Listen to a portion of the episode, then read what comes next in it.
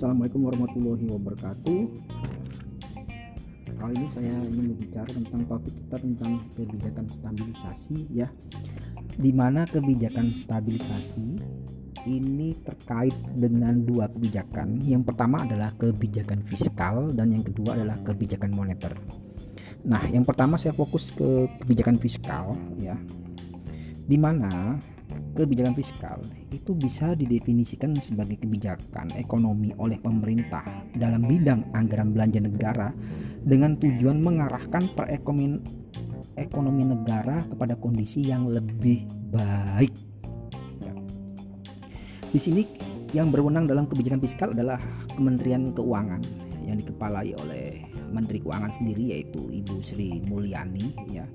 Jadi ini terkait dengan APBN ya.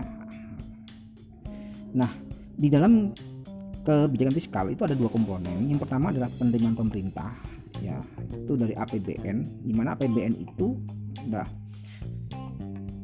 banyak berasal dari penerimaan pajak dan penerimaan bukan pajak.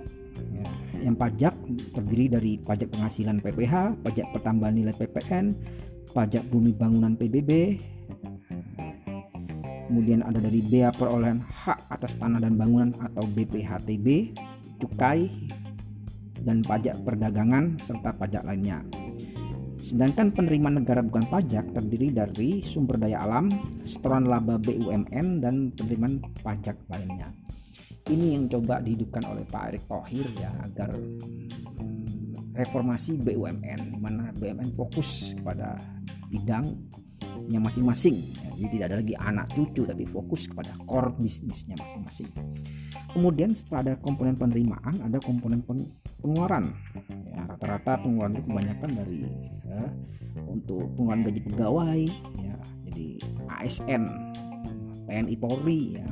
Kemudian belanja modal dan lain-lain. Ini adalah uh, pengeluaran termasuk juga pembangunan infrastruktur itu juga ada yang dibiayai dari BUMN Nah, itu adalah uh, kebijaksanaan fiskal. Jadi memang penguatannya pada pajak ya sebagai sumber utama di negara. Kan penjelasan dari saya tentang kebijakan fiskal. Ya, jadi intinya sekali lagi kebijakan fiskal terkait dengan anggaran pendapatan negara kaitannya dengan APBN ya, dan ada di Kementerian Keuangan. Terima kasih dan sehat selalu untuk Anda. Assalamualaikum warahmatullahi wabarakatuh.